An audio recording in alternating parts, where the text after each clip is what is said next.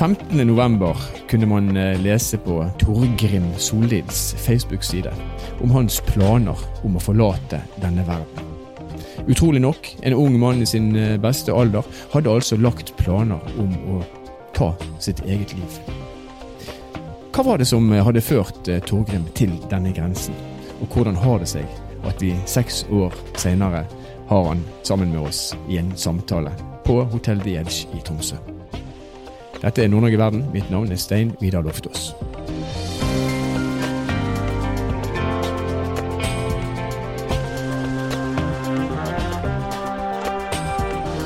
Den største lykketyven vi har, det er økonomi. Altså vår egen privatøkonomi. For det er altså en nær sammenheng imellom ja, dette med å stresse med å få endene til å møtes, og din egen helse. Og Nå sitter jeg her med Torgrim Sollid. Og om noen så er han en av de som har kjent på kroppen hvordan det kan føles når problemene tårner seg opp. Og eh, Den 15. oktober så var det sikkert mange som fikk med seg eh, Torgrim sitt innlegg på egen Facebook-side, der han da snakka om eh, en situasjon han var i for seks år siden, i 2015, der han faktisk var i ferd med å planlegge å forlate dette livet. Altså Han var i ferd med å planlegge sitt eget selvmord. Og nå sitter han her med oss, heldigvis. Velkommen, Torgrim. Du, hvis vi går tilbake til, til 2015, kan ikke du fortelle litt om hva din situasjon var da? Eh, jo, det kan jeg. Um, det var mye som skjedde. Uh, blant annet da, så jeg hadde gått fra å ha altså det man sier var at jeg hadde ting på stell. da. Eh, jeg hadde OK økonomi, jeg hadde leilighet, eh, jeg hadde fast jobb. Mm. Eh, også på relativt kort tid da, så forsvant alle de her brikkene. Eh, jeg hadde vært sykemeldt lenge og innså at jeg ikke kunne komme tilbake i den jobben jeg hadde. Eh, jeg hadde, og, og da ryker jo økonomien. Mm. Eh, når du ikke vet hva som skjer, så, så, er det vanskelig å planlegge framover jeg hadde gjort noen eh, dumme valg. Jeg hadde vært i en relasjon som kanskje ikke var heldig for meg, i hvert fall. Eh, og, og eh, etter det så sto jeg også uten leilighet. Eh, og da, ja, uten leilighet, uten jobb og uten egentlig å vite hva framtida bringte sånn økonomisk, så eh, Livet var rett og slett da ganske svart, kan man si? Ja, det var begsmart. Eh, jeg kan jeg var ikke i ferd med å planlegge, jeg hadde planlagt. Var det planlagt, ja. Når vi leser historien din, så, så trekkes det frem eh, eh, ditt forhold til en hund ja. av alt i verden, som, som, kanskje er en slags faktor for at du i hvert fall utsatte, heldigvis utsatte da det fatale. Fortell litt om eh, hvordan rolle den hunden spiller i denne historien. Han Luno. Han Luno. Ja. ja. Eh, han var en hund som en bekjent av meg hadde funnet sprung, han sprang løs på gata oppe i, på Tromsøya her. Eh, kameraten min tok han inn, og, og, han hadde en hund fra før. Eh, og Luno var eh, en, en, type som ikke gikk overens med andre hunder. Eh, så han spurte da pent på Facebook om noen av hans bekjente kunne overta han eh, til vi fant eh, eieren. og jeg tenkte hvor lang tid kan det ta før man finner en eier. man vet jo ganske fort hvis en hund stikker av. Så jeg sa ja, og tenkte at det her bør gå ganske smertefritt. Vi eh, etterlyste eieren i alle kanaler. Eh, vedkommende meldte seg aldri, og etter tre måneder så ble han da min etter hittegodsloven. Eh, og så har det seg sånn at han var en vanskelig type. Ikke bare gikk han ikke overens med, med, andre hunder, men han hadde aldri gått i bånd, tror jeg, før. Vi, vi, fikk vite etter hvert at han hadde tilhørt en, en av byens glade mm. fugler tidligere. jeg tror aldri han hadde vært gått tur med før. Eh, han, han, kunne, han, kunne, dra armen ut av leppa omtrent. Altså var, han var en vanskelig fyr. Eh, og, og, når ting skjedde da, så var det på en måte han jeg hadde igjen. Jeg, I og med at jeg da ikke hadde leilighet og ikke økonomi, så måtte jeg i en alder av 34 år flytte hjem til min mor.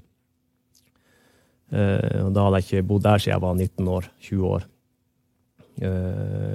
Og da var det sånn at Fordi at jeg var så glad i han Luno, da.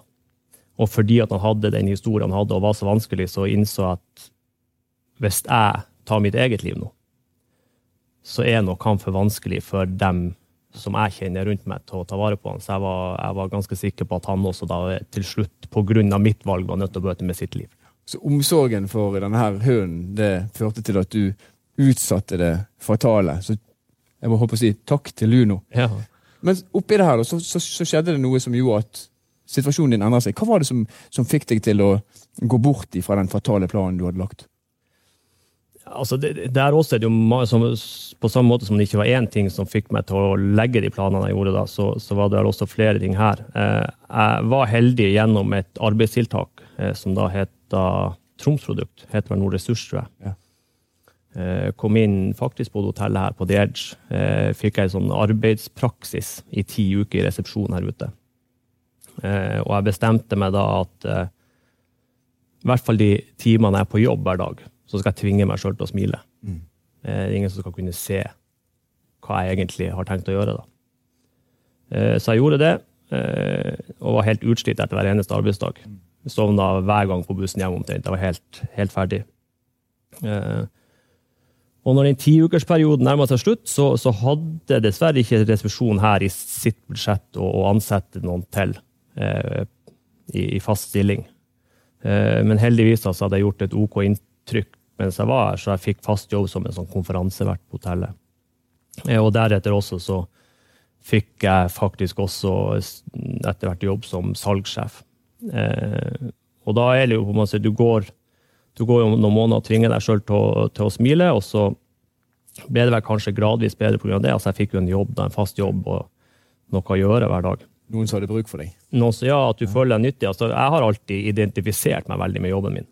Eh, så når jeg da sto her uten jobb, så altså jeg følte meg som en byrde på hele samfunnet. Si, både på storsamfunnet, men, men også det liksom at jeg mente oppriktig at alle som var rundt meg, som jeg er glad i, og som er glad i meg, eh, har det bedre hvis jeg ikke er her. Og så var jeg heldig og hadde en sjef her på hotellet som er en helt utrolig menneskekjenner. og som nok så at det var noe mer bak det smilet, da. Eh, så på en medarbeidersamtale så jeg, jeg, husker ikke så mye fra det sjøl. Det, det er mye som er diffus fra den perioden her.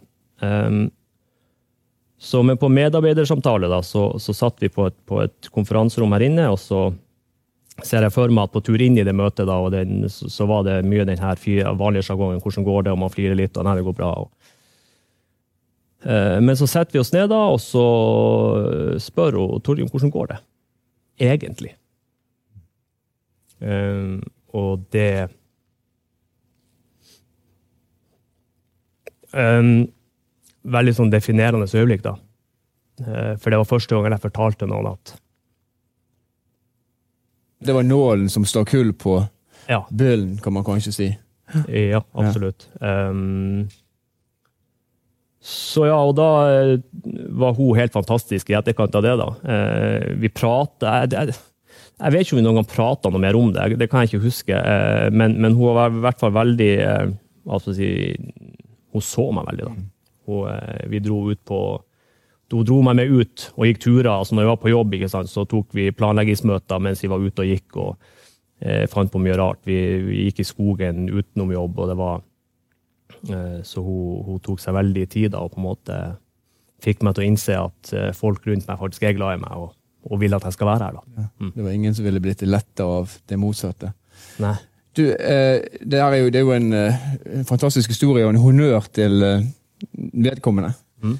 Og så tenker jeg litt på at 15. oktober i 2021 så går du ut og så forteller du historien din. Dette skjedde for seks år siden. Mm. Eh, og nå, nå, tar du på en måte bladet fra munnen og forteller historien din. Hvor vanskelig har det vært for deg å stå frem? Veldig. Eh? Um, det her, Jeg har vel tenkt på det i et par år.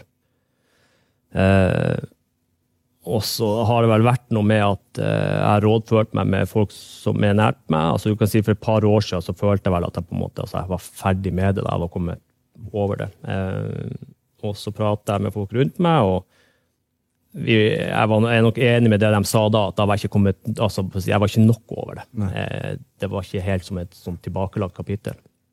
Eh, men så de siste halvannet året så har det skjedd veldig mange gode ting i livet mitt. Eh, jeg har det veldig bra nå. Eh, og, eh, og da føltes det rett å si, Dem som er nært meg, har visst det. da. Altså, Familie og, og, mange av mine nærmeste venner har visst om det en stund. Så det var jo egentlig ikke for dem at jeg gjorde det, men, men man har jo hørt om at det er en del stygge tall, spesielt blant, spesielt blant unge menn, men ungdom generelt. da. At, at, det er veldig mange som, som tar livet av seg, uten at det egentlig blir satt noe fokus på det. Så det var jo grunnen til at jeg gjorde det. At, altså, det er vanskelig for meg, det er vanskelig å sitte her i dag og fortelle det, og det er vanskelig å å skulle gå og stå fram om det i avisa også i etterkant av det jeg skrev på Facebook, men, men så på et eller annet tidspunkt da, så blir saken større enn meg, da, eller viktigere enn meg. Jeg føler at det er viktig at det, man kan sette ord på det. Ja. Eh, det er vel en 15, anslår mellom 15 og 20 stykker som i etterkant av Facebook-innlegget mitt har som er i, i min omgangskrets, som, som, jeg har som venner på Facebook, og som så det innlegget mitt, som har, har skrevet til meg privat og sagt at de også har slitt med det samme. Eh, og det er personer som jeg aldri kunne tenkt meg har gjort det. På samme måte som ja. de ville sagt det om deg. Ja. Det er til hjelp å stå frem. Jeg, jeg bare, det slår meg bare at altså, det er vanskelig å snakke om de tingene her. Jeg kjenner det, det er vanskelig å spørre deg om de tingene her. Eh, og Så sent som i forrige uke så var Kreftforeningen ute og snakka om at menn ikke ville snakke om sin egen kreftsykdom engang. Altså, det var skambelagt. Hva er det som gjør at det er så jævla vanskelig for oss gutter å stå frem med sånne ting? Så jeg tror det der er noe som henger igjen fra, fra gammelt av. Altså, man skal ikke Det er ingen som bryr seg. Man skal ikke snakke om sånne ting. Man er sucker up. Ja. Ja. Bare dur på videre, så går det over til slutt. Jeg tror liksom det er Og man mener jo ikke noe ondt med det når man, når man, får vite det av foreldre, eller liksom, når man er liten. ikke sant? Altså man, det er vel ikke ment helt sånn, eh, men så blir det overført til, til det nære. og man skal ikke prate om ting. og Man skal bare ha det inni seg, og så går det over til slutt mener man. Torgrim, vi har eh, mange som følger sendingen vår her i dag, og det er mange som har lest historien fra før Hva er det gode rådet til de som sliter, og kanskje vel så viktig, hva er det gode rådet til alle, til alle medmennesker?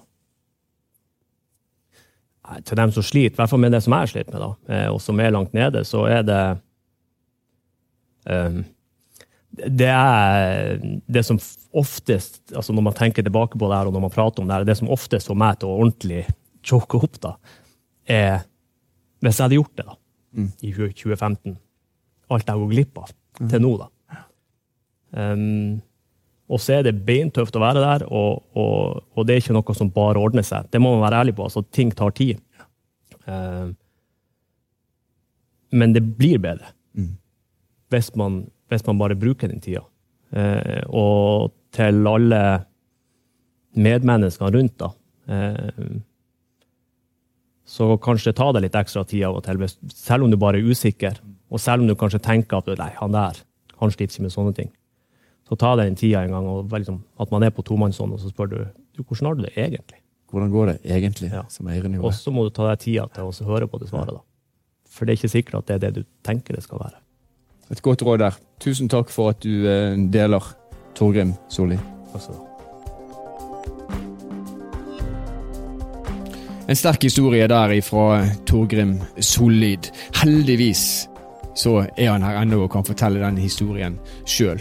Og så er dette med på å fortelle oss om viktigheten av åpenhet rundt psykisk helse. Kanskje rundt helse i det hele og det store.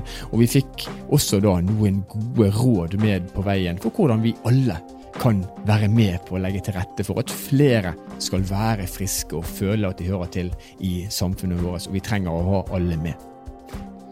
Og du, hvis du trenger noen å snakke med om dette, men ikke har det, så finnes det en hjelpetelefon for det. Du kan ringe 116 123. 116 123. Og Nord-Norge i verden er en podkastserie som er produsert av Sparebank1 Nord-Norge i samarbeid med Helt Digital. Musikken du har hørt er laga av Emil Karlsen. Mitt navn er Stein Vidar Loftaas. Vi høres igjen i neste episode.